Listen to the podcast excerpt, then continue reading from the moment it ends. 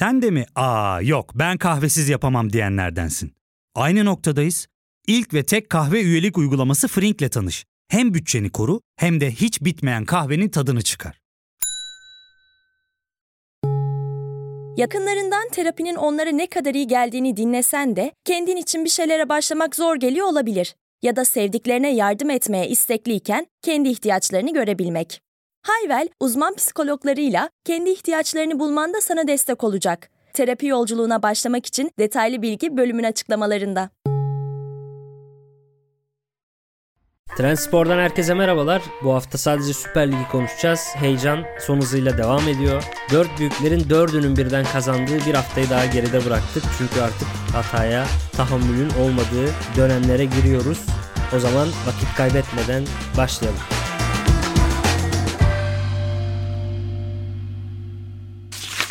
Süper Lig'de 20. haftanın özetiyle başlayalım yine. Herkesin en az bir maç bay geçtiği için ağırlıklı olarak 19'ar maçı oynadığı ligde Galatasaray 45 puanla lider. Fenerbahçe 41 puanla ikinci, Başakşehir 37 puanla üçüncü ve bir maçı eksik kazanmayı sürdüren Beşiktaş da 35 puanla dördüncü sırada yer alıyor. Eğer Beşiktaş eksik maçını da kazanırsa üçüncü sıraya çıkacaklar. Trabzonspor onlarla aynı puanda ama bir maç fazlaları var. Beşinci sıradalar ve Adana Demirspor da kendi sahasında Giresunspor'u yenemeyince 34 puanla 6. sıraya geriledi. Geçen hafta ilk 6 sonrası açılıyor demiştim. İlk 6 belirleniyor gibi demiştim ve bence İlhan Palut'u saçma sapan bir şekilde gönderen Konya Spor biraz kendi ayağına sıktı ve bu haftada kendi sahalarında Ankara gücüne kaybettiler ve 27 puanla 7. sırada kaldılar ve ilk 6 sıradan uzaklaşmaya devam ediyorlar. Düşme hattında Gaziantep Spor yine kaybetti. Sivas Spor'a kendi sahalarında kaybettiler. Geçtiğimiz hafta Fenerbahçe maçından sonra söylemiş miydim hatırlamıyorum ama geçtiğimiz hafta Gaziantep'in en büyük düşme adaylarından bir tanesi olduğunu düşünmüştüm. Çünkü uzun süredir maaş alamadıkları çok belliydi. Futbolcular disiplin anlamında büyük sorun yaşıyordu ve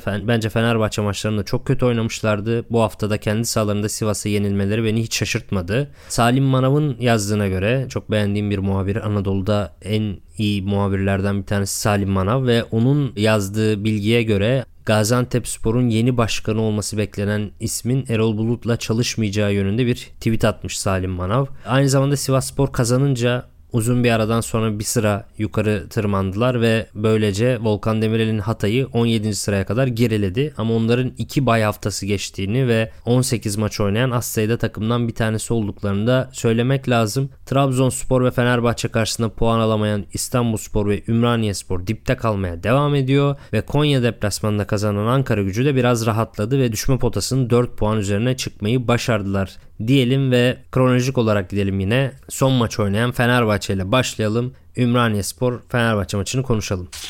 Fenerbahçe Ümraniye deplasmanında zor da olsa kazandı. Aslında tam da Gaziantep maçına benziyor bu maç ve derbiden sonra sallanan, demoralize olan, mental olarak sıkıntılı günler geçiren Fenerbahçe için aslında ideal deplasmanlardı bence. Hem Gaziantep hem de Ümraniye. Hatta bence Gaziantep daha da kolaydı. Çünkü Gaziantep'in durumu gerçekten şu anda ligdeki en kötü takım gör- görünümündeler. Ve bence Fenerbahçe'nin Galatasaray derbisinden sonra ard arda iki maçı deplasmanda oynaması da o kadar kötü bir durum değil. Çünkü iç sahada oynasalardı muhtemelen çok daha baskı hissedeceklerdi ve diş geçiremedikleri maçlarda taraftarlar ters de dönebilirdi. Hatta bu maç Ümraniye'ye giden bir kısım Fenerbahçeli'nin yeter artık top oynayın şeklinde tezahüratlar yaptığını da duyduk. O yüzden aslında biraz daha rahat oynayabilmeleri açısından Fenerbahçeli oyuncuların iki deplasman maçına çıkması o kadar kötü değildi. Ve bu haftalarda Antep ile Ümraniye Spor iyi eşleşmelerde ama Ümraniye'nin Antep'e göre çok daha dirençli bir takım olduğunu da söylemek lazım. Şimdi Ferdi ve İrfan sağ kanadına dönüş vardı. Ben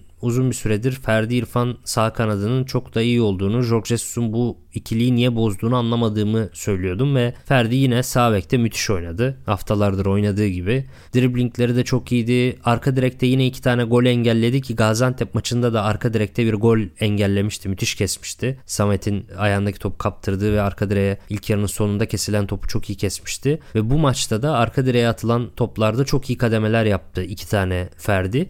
Üstelik Ümraniye Spor Teknik Direktörü Recep Uçar aslında orada sol kanatta bir forvet oyuncusu olan, center for oyuncusu olan Bettayip'i kullanmıştı. En ileride Umut Nayır var zaten. Sol açıkta da bir center for kullandı. Ben bunu net bir şekilde ters eşleşme yaratmak için yapılmış bir hamle olarak görüyorum. Hem o tarafa hem Umut Nehir'i hem Bettayip'i gönderip oraya uzun vurulabilir ve Ferdi ile çok net bir boy avantajı olan Bettayip bu topları toplayabilirdi ama bunu uygulayamadılar. Hem de arka direğe kesilen ortalarda Bettayip çok daha uzun kalıp gol yapabilirdi ama Ferdi her seferinde çok doğru yerde durdu ve o planı hiçbir şekilde işlettirmedi Ümraniye Spor adına. Çok iyi bir savunma yaptı. Hücumda da zaten neredeyse bütün topları taşıyan Ferdi'ydi. Maçın bence net oyuncusuydu. Ama önünde oynayan İrfan maalesef yine istikrarsız, çok kopuk kopuk bir oyun sergiledi. İlk yarının sonunda böyle Valencia'ya çok iyi bir ortası var. Valencia onu böyle yarım vole gibi yatarak vurmaya çalıştı ve çok üstten avuta attı ama onun dışında sahada genel olarak yok. Ve ikinci yarının başında da Crespo oyundan çıktı ve 8 numaraya çekildi.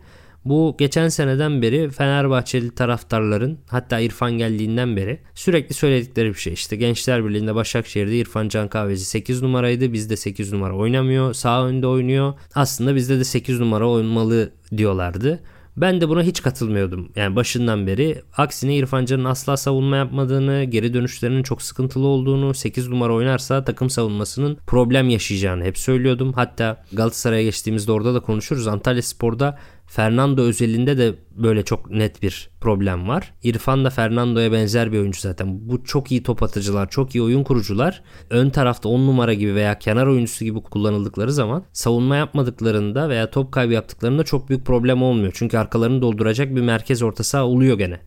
Ama bu oyuncuları direkt geri çekip merkez orta saha oynattığınız zaman orada yapacakları bir top kaybı veya yapmayacakları savunma direkt rakip oyuncuları stoperlerle baş başa bırakıyor ve çok daha büyük tehlike oluyor. Ben İrfan'ın savunma disiplinine hiç güvenmediğim için asla 8 numara olabileceğini düşünmüyorum. Başakşehir'de nasıl oldu derseniz de Başakşehir'de net bir 6 numara ve yanında da Mahmut gibi yine defansı kuvvetli bir oyuncuyla olmuştu. Yani aslında Başakşehir'de 4-3-3 oynuyordu ve en ofansif 8 numara gibi biraz 10 numara gibiydi. Yani arkasında yine iki tane toplayıcı oyuncu bulunuyordu Başakşehir'de de. O yüzden orada böyle iki orta sahadan bir tanesi olarak oynamıyordu. Bence iki orta sahadan bir tanesi olarak oynaması zor İrfan'ın. Üçlü orta sahalarda en ofansif 8 numara veya 10 numara olarak oynayabilir. Ama ikili orta sahalardaki merkez oyuncularından bir tanesi olması gerçekten bence zor. Ve bu maçta da uzun bir aradan sonra denendi.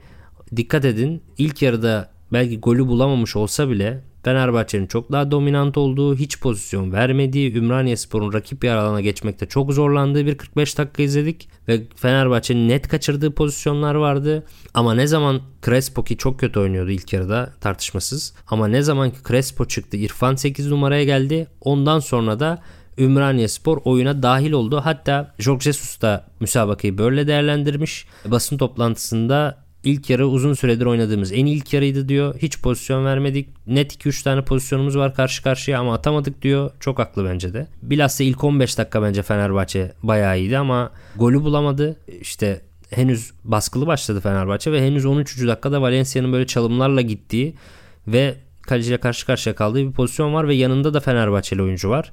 Yanındakine verse boş kaleye atacak. Aslında bitirmişti işi. Ama kaleciyi de çalımlamaya çalıştı. Orada bence çok lakayt davrandı ve bu lakayt az daha puan kaybettirecekti Fenerbahçe'ye. Ama ilk yarıda yani birçok pozisyon bulmasına rağmen atamayan bir Fenerbahçe var. 44. dakikada bu kez çok iyi bir bitiricilik yapıyor. Sağ ayağının dışıyla vuruyor ama bu da offside'tı. Fenerbahçe yine de maçın hakimiydi. Yani çok hata vesaire yapıldı ama en azından çok net bir üstünlük kurmuştu ve arkaya top attırmıyordu. Dikkat edin ne zaman İrfan girdi Ümraniye Spor'un rakip yer alana geçtiğini, arkaya top atabildiğini gördük. Çünkü pres çok zayıflıyor İrfan'la birlikte. Ve Ümraniye Spor'un Gaziantep'e göre daha sert, daha sağlam daha bir takım olduğunu söyleyebiliriz. Bu ilk 15 dakikadaki Fenerbahçe baskısının ardından da sertliği arttırdılar mesela. Orada Saki'nin İrfan'a yaptığı çok sert bir faali var. Hakem de kart çıkarmadığı için o biraz sertliğe de izin verdi. Onu da söylemek lazım. Ve ilk yarıda Crespo ve Zalai'nin çok top kaybı var. İşte e, çok top kaybetti genel olarak. Fenerbahçe'de çok top kaybetti. O yüzden de belki goller bulunamadı. Ama Crespo yerine İrfan geçtiğinde Ümraniye Spor için biraz daha oyuna ortak olma fırsatı doğdu. Rakip yer alanına daha çok geçmeye başladılar ama bu da Ümraniye Spor'un işine yaramadı. Çünkü Ümraniye Spor'da oyuna ortak olma konusunda çok eksik bir takım. Yani Ümraniye Spor'un rakip yer alana geçmesi demek pozisyon üretmekten ziyade kendi kalesinde daha çok pozisyona izin vermek anlamına da geliyor. Çünkü arkadaki kümelenme gevşiyor ve aslında birazdan değineceğim. Yedikleri ikinci gol de tam olarak böyle. O gol önemli. Üzerine konuşulması gereken bir gol. Crespo ve Zalai demişken Arao'nun da çok top kaybettiğini görüyoruz ikinci yarıda. Bu daha çarpıcı çünkü Arao basit oynayan, garanti oynayan oyuncu. Onun bu kadar top kaybı yapmaması lazım. Crespo onun biraz daha önünde oynuyor. Biraz daha risk alacak, öne paslar denemesi beklenen bir oyuncu ve onun top kaybetmesi, biraz daha fazla top kaybetmesi daha doğal. Ama ara o kadar temiz oynamaya çalışan bir 6 numaranın bile bu kadar top kaybı yapıyor olması Fenerbahçe'deki en büyük problemdi. Genel olarak herkes çok basit top kayıpları yaptı. Mesela Altay gidiyor uzun bir degaj vuruyor. Rakip kaleciye kadar gidiyor top falan. Topun değerini bu kadar bilmezseniz bilhassa bu çok yorucu olur ki ben ikinci yarıda Fenerbahçe'nin biraz da yorulduğunu da düşünüyorum ayrıca. Çok top kaybeden, bu kadar çok top kaybeden büyük takım olmaz yani. Büyük takım görüntüsünden çıkmıştı Fenerbahçe. Ve aslında ilginç bir şekilde neredeyse her topu rakibe veren Zalai'nin ama geçmişten çalıştığı çapraz topu atması Fenerbahçe'ye gol olarak ilk gol olarak yansıdı. O biraz futbolun cilvesiydi. Belki Salay haftalardır çok kötü. Bu maçta da çok kötüydü ama o topu atmayı çok uzun zamandır deniyor ve çok güzel attı. Çok isabetli attı. Batshuayi de müthiş bir kontrol yaptı. Solla yine çok iyi bir çalım ve solla yine vuruş. Çok temiz birleşik hareketlerdi bunlar. Fenerbahçe adına güzel bir gol. Ama o golde Glumaç hem offside'ı bozuyor. Biraz öne çıksa zaten Batshuayi offside'e düşecek. Çok geriye kaçıyor. Savunma çizgisinin çok arkasında Glumaç. Hem de bu kadar offside'ı bozduğu halde bir de Batshuayi'de de yetişmekten çok uzak. Çok ağır kalıyor. Ve ilk gol öyle geliyor. 73. dakikada Fenerbahçe'nin ilk golü geliyor. Ama ondan 2 dakika önce Ümraniye Spor'un da çok net bir hata var direkten dönmüştü Geraldo'nun arka direkteki vuruşu hatırlarsanız. O pozisyonda da Samet'ten büyük bir hata geliyor Gulumaç gibi. Samet o dakikaya kadar aslında hatasız oynuyordu. Fena hiç de fena oynamıyordu ama Samet'te böyle bir durum var. İyi oynadığı maçta bile çok sakar ve denge problemleri yaşayabiliyor. Top ayağındayken top kayıpları da yaşayabiliyor. Orada aslında kendi kontrolünde olan topu yanlış hatırlamıyorsam Avanu'ya kaybetti. Bir an dengesini kaybetti ve onun arka direğe kestiği ortada da top Geraldo'nun önüne düşmüştü ve şutu direkten dönmüştü. Hemen 1-2 dakika sonrası da Zalai'nin ters topu ve 1-0 öne geçti Fenerbahçe. Ben maçın orada kopacağını düşünmüştüm. Aradığı golü bulmuştu çünkü Fenerbahçe ama 77. dakikada basit bir hata. Samet ve Zalai'nin arkasına sarkıyor Umut Nayır ki Umut Nayır çok uzun boylu pivot özellikle bir forvet ve çok da ağır bir oyuncu. Hani Umut Nayır'ı bile bu kadar kolay bir şekilde savunma arkasına sarkabiliyor olması bir problem Fenerbahçe için. Bu bir de sayılmayan golde bir kez daha yaşandı biliyorsunuz sarktı savunma arkasına. Orada Altay'ın da hatalı olduğunu söylemem lazım. Hem çıktı çıktıktan sonra durdu. Çünkü çok dikey bir şekilde çıktı. Vücudunu yatırmadı. Aslında çıkışını devam ettirip direkt kayarak hamle yapabilirdi. Ama yanlış bir açıyla çıktığı için Umut'un önünde dik bir açıyla kaldı ve Umut'un topu kenara çekmesi çalım atmasını sağladı. Yani çok kolay bir çalım yedi Altay orada ve golü de attı Umut Nayır. Aslında kendi koordinasyonunu ayar, ayarlayamadı yani Altay o golde. Genel olarak da maçta hem oyunu başlatması olsun hem bu pozisyonlar olsun çok kötü bir Altay vardı. Maç 1-1 devam ederken uzatma dakikalarında yine aslında Gulumaç ve Geraldo sahneye çıkıyor. Şimdi az önce bahsettiğim Ümraniye Spor'un rakip yer alana gitmeyi bilmemesi, arkada düzgün durmaması aslında biraz bu pozisyonda ikinci golde ortaya çıktı. Geraldo topu aldı ve hızlı bir şekilde 4-5 kişinin arasına daldı. Orada tabii Zayt da faal falan da yapmaya çalışıyor ama yapamıyor öncesinde. Ve sonra o Samet'le pozisyonu var. İşte ayağına mı basıyor, topa mı basıyor vesaire. E, konuşuluyor. Ben onlara hiç girmeyi sevmiyorum biliyorsunuz. O yüzden hakemle ilgili konuşmayacağım. Hakemle ilgili herkes konuşacak zaten ama esas pozisyonun özüne bakmak lazım. Kim nerede hata yapıyor ona bakmak lazım. Şimdi siz skoru istediğiniz şekle çevirmişsiniz Ümraniye Spor olarak. Maç 1-1 ve o pozisyonun öncesinde bir atak engellemişsiniz ama savunmanın şablonu bozulmuş o hatayı engellerken. Yani bir karambol olmuş, top sekmiş ve Geraldo'nun önünde kalmış. Geraldo hızla 4-5 kişinin arasına giriyor ve topu kaptırdığı anda savunmasının dağınık yakalanacağını bilmesi lazım bir futbolcunun. Ki Geraldo da çok genç bir oyuncu değil yani. Belli bir tecrübeye sahip olması gereken, belli bir zekaya sahip olması gereken bir futbolcunun orada o topu alıp da bodoslama 4-5 kişinin arasına gitmemesi lazım. Geraldo topu aldığı zaman rastgele altaya doğru degaj vursa ve herkes yerine yerleşse zaten Fenerbahçe bu maç boyunca yerleşik savunmaya hiç etkili hücum edememiş. Set oyununda çok eksik kalmış. Zaten Fenerbahçe'nin sezon başından beri geliştiremediği bir şey bu. Yerleşik savunmaya hücum. Ve bu maçta da yerleşik savunmaya hücum edemeyen bir Fenerbahçe var. Dağınıkken, kendi takımı dağınıkken, savunması dağınıkken Geraldo top kaybetmemenin ne kadar önemli olduğunu farkına varamayacak bir oyuncu ve topu alıp 4-5 kişinin arasına dalıyor. Ve orada topu Fenerbahçe hızlı bir şekilde kazanıp tekrar pası kim attı hatırlamıyorum. Çok doğru bir pasta direkt savunma arkasına gönderiyor. Orada yine maçın 5 metre geride kaldığını ve offside'ı bozduğunu görüyoruz. Valencia'nın çok önünde. Sonra o kadar önünde olmasına rağmen içeriye çevrilen topu da doğru düzgün kesemiyor ve topu kendi ağlarına gönderiyor. İnanılmaz ağır bir oyuncu maç. Çok da hantal olduğu için zaten vücudunu çeviremeyip kendi ağlarına vurdu topu. Ve Ümraniye Spor son 20 dakikada skor koruduğu halde iki tane boşluk verip arkada iki boşluk verip iki tane kontra atak golü yiyor. Yani iki golü de yerken istediği skorda aslında. Biri 0-0'da biri 1-1'de. Ve Ümraniye lig sonuncusu ve son 20 dakikada iki tane kontra atak golü yemesi kabul edilemez. Yani kenar ortadan yiyebilirsin, set oyunundan yiyebilirsin bu normal. Ama Ümraniye gibi lig sonuncusu bir takım ikinci sıradaki Fenerbahçe'den beraberlik koparıyorken arkada geniş boşluklar verip kontra atak golü yemesi zaten işte Ümraniye Spor'un neden bu sıralarda olduğunu gösteriyor. Yoksa mücadele ediyor Ümraniye Spor. Herkes elinden geleni yapıyor. O konuda bir beis yok ama gerçekten çok kalitesiz isimleri var. Geraldo o topu gidip de 4 kişinin arasına sürmek yerine vursa ve savunma oyuncularının pozisyon almasını sağlasa, herkesin yerleşmesine izin verse Fenerbahçe'nin gol atması gerçekten, yerleşik savunmaya gol atması gerçekten zordu. Sonuçta Ümraniye Spor'a ve Umut Nayır'a biraz yazık oldu kendi emeklilerinde ama Gulu maçla bu ligde kalmak, bu kadar kötü stoperlerle kalmak zor.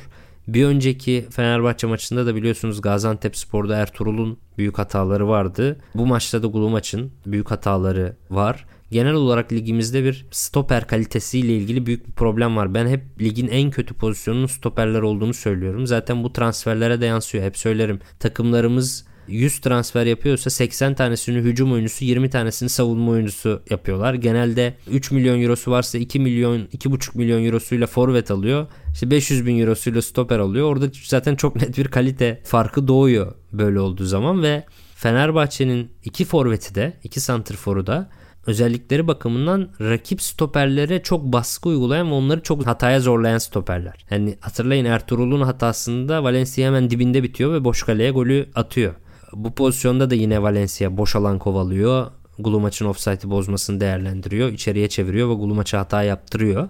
Yani Valencia ve Batshuayi'nin fizik gücünün hakkını vereyim. Fizikleriyle çok zorlayan forvetler. Ama yine de bizim ligin savunma oyuncularının biraz zorlandığı zaman hataya ne kadar meyilli olduğunu, ne kadar ağır kaldıklarını da bu iki maçta görüyoruz. Ligimizde yine stoper zaafı zaten hep söylediğim bir şey.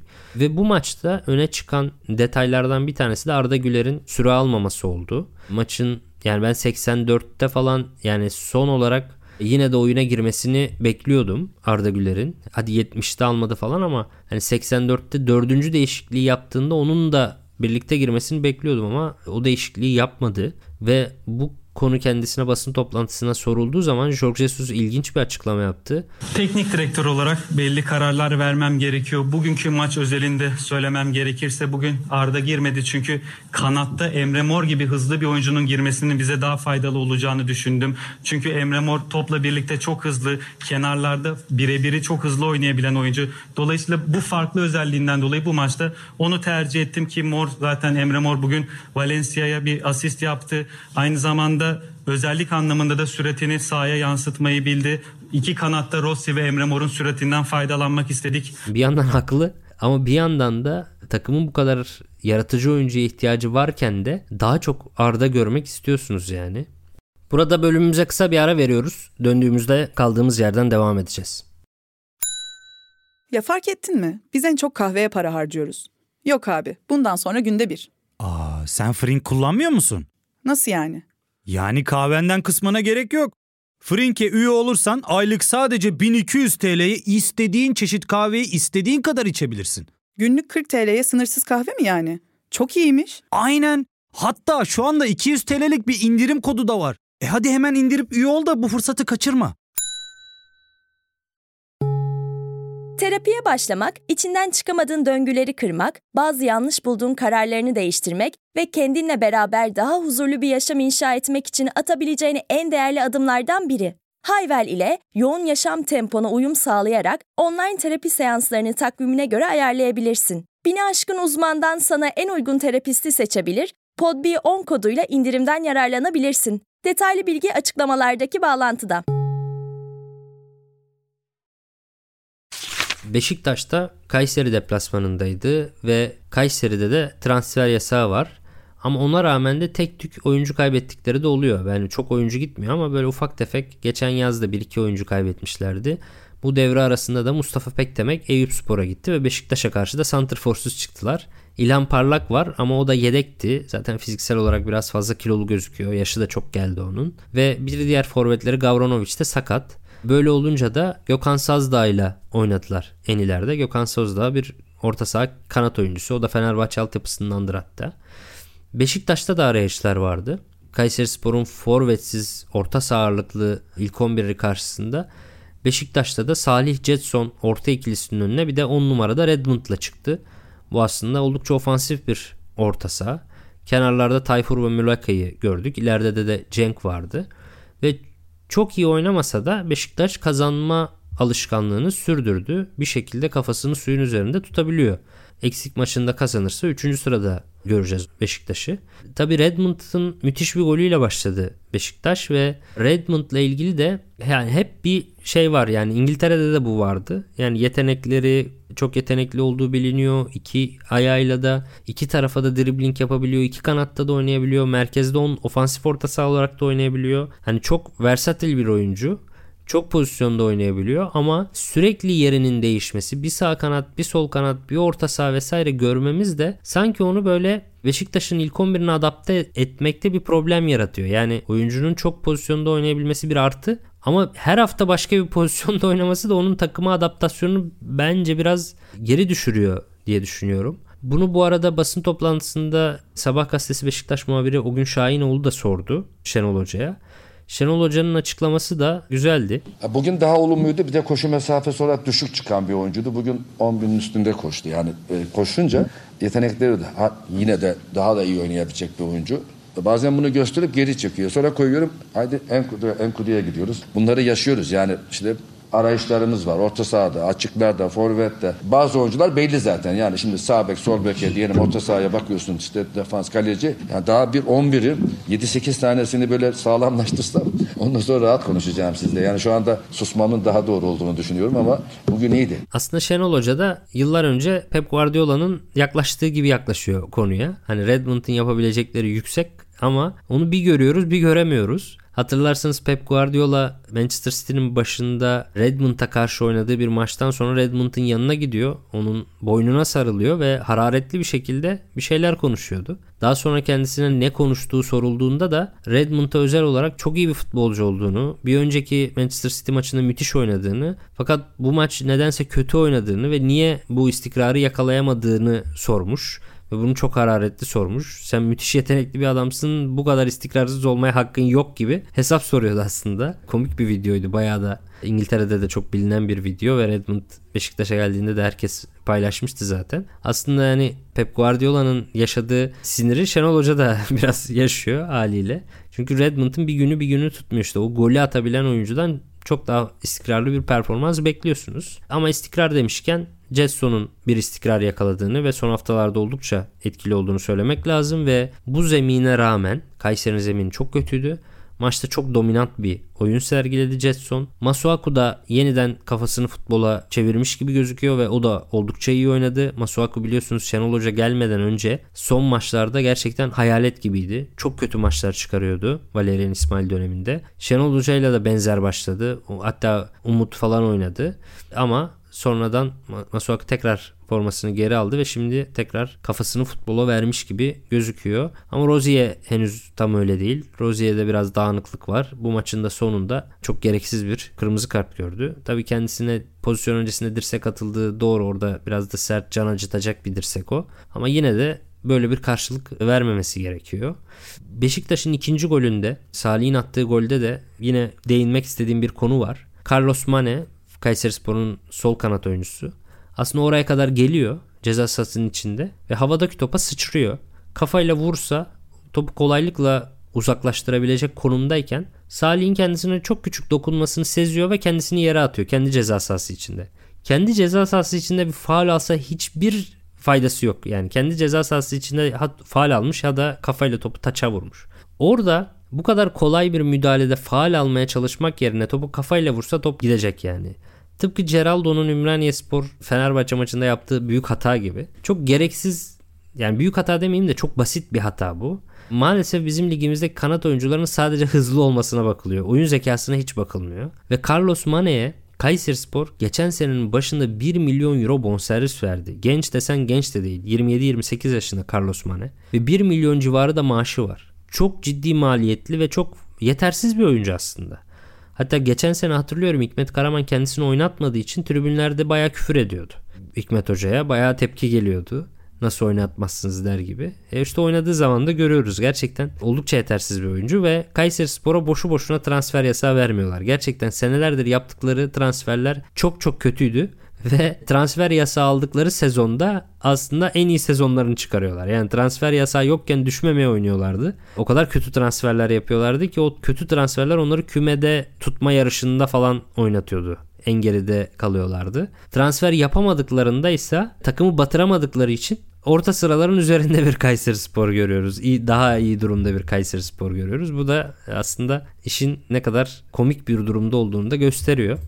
Beşiktaş'ta farklı gündemler de vardı bu arada bu hafta ve Wood Weghorst biliyorsunuz Manchester United'a gitti. Sky Sports'a yaptığı açıklamada Beşiktaş'ta antrenmanlardan memnun değildim gibi bir şey söylüyor. Tabi bu çok da çarpıtıldığını da gördüm ben. Tam öyle de demiyor. Beşiktaş'ta memnun olmadığım bir antrenmandan sonra Manchester United beni aradı diyor. Orada isterseniz bir dinleyelim. Where were you then when you first got the call saying United are on the phone, they're interested in you, and, what was your reaction? Yeah, I was in the evening and was already quite late, and I was texting a little bit with, with my agent, and because I was not so happy uh, training session and was a little bit complaining to be honest. I was laying with with the little baby on my arm in the bed and then he decided to, to give me this call and he thought it was the right moment because of course it was playing already for a long time but he didn't tell me and now it, it was quite so far um, that it looked so good yeah that he trusted to, to tell me this and yeah that was I will not I will not forget this call to be honest Şimdi bu açıklamada ben emin olamadım. Tam ne demek istediği yani biraz ortada konuşuyor. Ama kendisinden çok daha sert bir eleştiriyi Hakan Çalhanoğlu yapmıştı biliyorsunuz Şenol Hoca'ya. Euro 2020'den sonra milli takım başındayken Şenol Hoca'yı antrenman kalitesinden dolayı çok çok daha sert bir şekilde eleştirmişti Hakan Çalhanoğlu. Orada Vegors'un da bu eleştirisi bayağı gündem oldu. Yani Vegors zaten buraya Premier Lig'den gelmişti. Premier Lig ile Türkiye Süper Ligi arasında bir antrenman kalitesi farkı olduğunu da zaten iki ligdeki temponun, iki ligdeki fizik kalitenin çok net bir şekilde gösterdiğini düşünüyorum ben. Ama Vegors için de zor günler başlıyor. Tabii çok daha yüksek bir seviyeye çıktı ve Arsenal'e son dakika golüyle kaybettiler geçtiğimiz hafta sonunda. Ve Piers Morgan'ın ağır tepkisine maruz kaldı kendisi. Piers Morgan biliyorsunuz Dünya Kupası'ndan önce Cristiano Ronaldo ile The Sun'da röportaj yapmıştı ve bu röportajdan dolayı da son derece ünlendi. İngiliz basında da dünya basında da. Ama yani orada Piers Morgan'ın da çok acımasız olduğunu düşünüyorum. Sonuçta Arsenal ligin zirvesinde ve orada son dakika golüyle kaybetmiş olmaları öyle çok da yangın yapacak bir durum değil ve eleştirisini şöyle açıklıyor Piers Morgan. Elinde Cristiano Ronaldo gibi tarihin en iyi santrforu varken onunla ego savaşına giren Ten Hag onu gönderdi ve yerine Avustralya sosisi aldı diyor Weghorst için. O da çok popülist bir söylem açıkçası. Kusura bakmasın Piers Morgan. Yani Cristiano Ronaldo evet bir dönem tarihin en iyisi, en iyilerinden bir tanesiydi. Kabul ediyorum. Tarihin en iyisiydi sözünü kabul etmeyeceğim ama tarihin en iyilerinden biriydi en formda döneminde. Kabul. Ama o zaman Wayne Rooney'i de döndürelim Manchester United'da oynasın. Yani Solskjaer'da oynasın. David Beckham'da oynasın. Yani Cristiano Ronaldo'nun son dönem performansının hiç de en iyi klasmanına sokulabilecek bir performans olmadığı bence çok ortadaydı. Biraz yalakalık gibi olmuş. Kusura bakmasın yani bu yorum biraz acımasız bir yorum. Hem Ten Hag için hem de Weghorst için. diye düşünüyorum.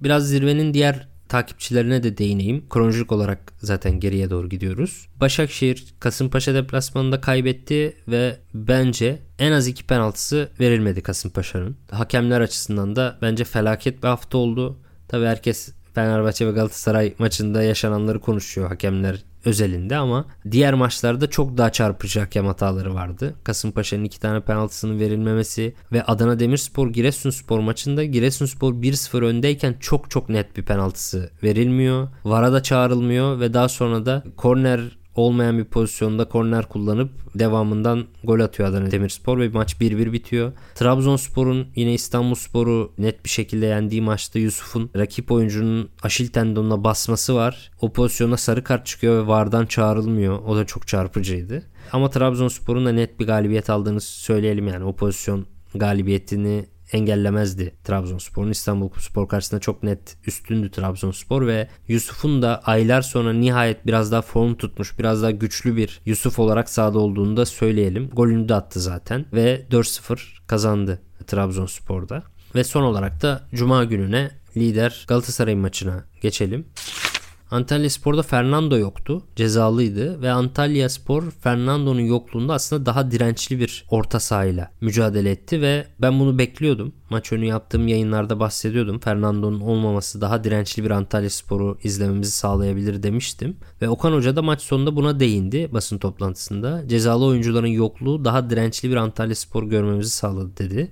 Fernando çok yetenekli, çok etkili bir oyuncu. Az önce de bahsettim. İrfan Can gibi diyebiliriz. Çok iyi bir top atıcı ama asla savunma yapmıyordu ve onun yerine oynayan oyuncular daha güçlü bir Antalya Spor orta sahası yarattı ve Galatasaray orta sahası Torreira'lı, Oliveira'lı, Mertens'li o çok kaliteli orta saha uzun bir aradan sonra aslında bu kadar domine edemediği bir maç oynadı. Zorlandığı bir maç oynadı diyebiliriz. Ama Galatasaray'ın ilk yarıdaki baskılı ve etkili oyununu esas Antalya Spor'un yeni kalecisi Helton'u durdurdu. Onu da söylemek lazım.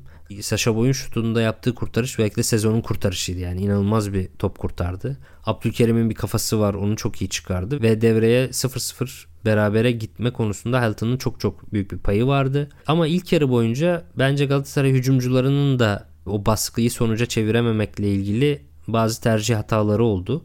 O tercih hataları da ilginç bir şekilde Icardi'ye gol attırmaya çalışmakla ilgili diye seziyorum ben. Maçı izlerken öyle düşünüyordum. Maç sonu açıklamalarında bence daha da yuka çıktı bu durum. Kerem Aktürkoğlu direkt olarak Icardi'ye asist sözü vermiştim dedi ve bu maçta sürekli Icardi'ye pas atmaya çalıştı. Çok bence belliydi. Hatta ilk yarıda bir pozisyon var. Ön direkte Oliveira çok daha boşken arka direkte çok daha zor durumda olan Icardi'ye pas çıkarmaya çalıştığını, orta kestiğini de görmüştük. Ama asisti de yaptı ikinci yarının başında. Çok iyi bir orta kesti ve Icardi de müthiş bir kafa vuruşuyla golü yaptı. Maç sonu da ben Okan Hoca'ya bir soru sordum basın toplantısında. Icardi'yi biraz daha geride kullanıp pas kabiliyetinden yararlanmayı da düşünüyor musunuz? Evet çok iyi bir kutu golcüsü ama derbide de gördük. Geriye gelip de pas dağıtımına destek verdiğinde de çok çok iyi bir pasör aynı zamanda. Yani çok iyi bir bitirici olduğu kadar da çok iyi de bir pasör. Onu o şekilde kullanmayı düşünüyor musunuz dedim Okan Hoca'ya. Evet biraz daha geriye gelip top alıp yüzünü rakip kaleye dönmesini istiyorum. Biraz daha fazla topla buluşmasını istiyorum. Bu konuda kendisiyle konuşuyoruz dedi Okan Hoca. Ve dedi ki bir dönem takım arkadaşlarının Icardi'ye hazırladığından daha fazla Icardi onlara pozisyon hazırlıyordu dedi. Hani bu belli ki takım içinde konuşulan bir şey ve Galatasaraylı diğer oyuncular Icardi'ye borcunu ödemeye çalışıyor. Belli bu. Ama bu da ilk yarıda Galatasaray'ın baskısını gole çevirememe konusunda bence önemli bir faktördü. Umarım borçlarını ödemiş hissediyorlardır ve daha doğru bir oyun oynamaya çalışırlar sonraki maçlarda. Hatta biliyorsunuz Icardi bir önceki maçta 4-0'lık Hatay maçında gol atamamıştı ve pas alamadığı için de biraz trip atıp direkt maç biter bitmez soyunma odasına gitmişti. Hani bu trip de belki Galatasaray diğer hücum oyuncularını biraz asiste zorlamıştır ama yine de çok mantıklı olmadığını söylemem lazım. Onun dışında Kerem'le ilgili de bir şey söylemek istiyorum. Kerem'in çok eleştirildiğini görüyorum Galatasaraylılar tarafından sosyal medyada. Evet tercih hataları oluyor. Ne bileyim pas hataları, top kontrol hataları, vurmak yerine çalım atmak gibi karar hataları olabiliyor. Ama Kerem inanılmaz dinamik bir oyuncu ve çok zorlayan bir oyuncu. Rakibi çok zorlayan, çok isteyen bir oyuncu. Herkes 3 kere deniyorsa Kerem 13 kere deniyor ve bu da yani 3 kere hata yapıyor. Belki dördüncüde yine Kerem orada yine vuruyor. Yine bir asist, bir gol vesaire şeklinde sürekli bir hücuma katkı halinde ve güçlü bir karakteri var. Asla sorumluluk almaktan korkmuyor. 3 kez üst üste hata yapsa bile dördüncüde yine ısırıyor, yine istiyor çok iştahlı bir oyuncu olması da bence Galatasaray hücumunu çok zenginleştiriyor ve dinamik hale getiriyor. Bir dönem Tuncay Şanlı'nın Fenerbahçe'de böyle olduğunu düşünüyorum ben ve bence Galatasaray hücumu için çok değerli bir oyuncu Kerem Aktürkoğlu. Hatta Arda Turan'la iyi arkadaş olan arkadaşlarım var. Kendileri böyle birlikte yiyip içiyorlar. Bir masada konuşurlarken Arda Turan'ın şöyle beğendiğim bir yorumu olmuş. Geçmiş yıllarda Belhanda biliyorsunuz sürekli eleştiriliyordu. Arda Belhanda ile ilgili şunu söylüyor bir Galatasaray futbolcusu, Fenerbahçe futbolcusu neyse bir büyük takım futbolcusu ne olursa olsun önce yürekli olacak diyormuş Arda. Önce cesur olacak. Önce sorumluluk alacak, toptan kaçmayacak, rakip savunmacının arkasına saklanmayacak. Belhanda'nın bir numaralı özelliği sürekli sorumluluk alması, sürekli cesur olması, işler hiç iyi gitmese bile sürekli top almaya devam etmesi diyormuş Arda. Ve Arda çok beğeniyordu Belhanda'yı, çok seviyordu zaten hep söylüyor da. Kerem'de de benzer bir karakter var. İşler ne kadar kötü giderse gitsin Kerem'in kaytardığını sorumluluk almaktan kaçtığını asla görmüyorsunuz ve sürekli zorlayan bir oyuncu. O yüzden ben Galatasaray'da Kerem'in çok değerli olduğunu biraz haksız eleştirildiğini düşünüyorum. O yüzden bu konuşmayı yapmak istedim. Ben de eleştiriyordum kendisini. Ortayla asist yapamıyor diye çok eleştiriyordum. Yani çok fazla gole ve dikine gitmeye çalışıyor. Kaliteli bir kenar ortasını çok az görüyoruz diyordum ve bu maçta da çok kaliteli bir kenar ortası yaptı ve bu şekilde asistini de yaptı. O da ayrıca güzel. Ama Galatasaray'da eksikler de var. Bir tanesi duran toptan yenen gol. Orada tabii ki offside itirazı vesaire yapılacaktır. Gördüğüm o pozisyonları da offside'daki Nakajima Sasha Boy'u engelliyor vesaire. Ama zaten Adriano'yu, Luis Adriano'yu alan oyuncu Sasha Boy değil. Sasha Boy orada yetişmeye çalışıyor Luis Adriano'ya ve Luis Adriano Antalya Spor'un en uzun santrforu yani en net tehdidi Antalya Spor'un duran toplarda Adriano ve stoperler. Yani Adriano'nun bu kadar boş bırakılması hiç sağlıklı değil. Yani Nakajima Sasha Boy bozmasa bile Sasha Boy'un Adriano'nun kafasını engelleyememe ihtimali var o pozisyonu dikkatli izlerseniz. Hem de oldukça var. O kadar boşta Adriano'nun tek başına yükselip de o kafayı vurmasını daha uzun boylu stoper oyuncuları falan engellemesi lazım. Yani ya Victor Nelson'un ya Abdülkerim'in veya Icardi'nin Orada birebir eşleşmesi gerekiyordu bence Adriano ile. Orada çok kolay vurduruldu o pozisyon. Offside olup olmamasından ziyade kolay boş bırakıldığını da söylemek lazım. Basit bir duran top golü bence Galatasaray adına yendi. Ama golden sonra da hemen ardından Sasha Boy'un sağdan bir ortası ve yine kutuya koşu atan Sergio Oliveira'yı görüyoruz ve Sergio Oliveira orada kötü de vursa oraya gitmesi golü getirdi. Sergio Oliveira'nın sürekli oraya gittiğini her hafta söylüyorum. Yani kutuya koşu atan bir merkez orta saha oyuncusunun daha katılması Galatasaray'ın kalabalık hücum etmesini sağlıyor ve ikinci golde öyle geldikten sonra Galatasaray iyi savundu ve maçı da almasını bildi. Ve bu maçla birlikte bu haftanın da sonuna gelmiş olduk. Dört büyükleri değerlendirdik. Süper Lig'de genel bir özet yaptık. Gelecek hafta yine Süper Lig'in gündemini ve başka sporların gündemini değerlendireceğiz. Bu hafta diğer sporları değerlendiremedik ama gelecek hafta yeni konularla tekrar karşınızda olacağım. Görüşmek üzere. Dinlediğiniz için çok teşekkür ediyorum. Hoşçakalın.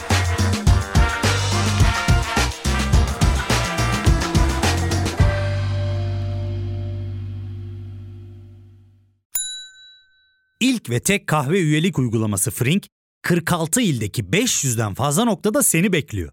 Açıklamadaki kodu girerek sana özel 200 TL'lik indirimden faydalanmayı unutma. Hadi sen de Frink üyeliğini başlat, kahven hiç bitmesin. Hem bugününe hem yarınına katacaklarıyla terapi yolculuğuna ve daha iyi hissetmeye bugün Hayvel ile başla. Açıklamadaki linkten Hayvel'i indir, ücretsiz tanışma görüşmelerinin ardından bütçene uygun seans paketini seç ve terapi yolculuğuna başla.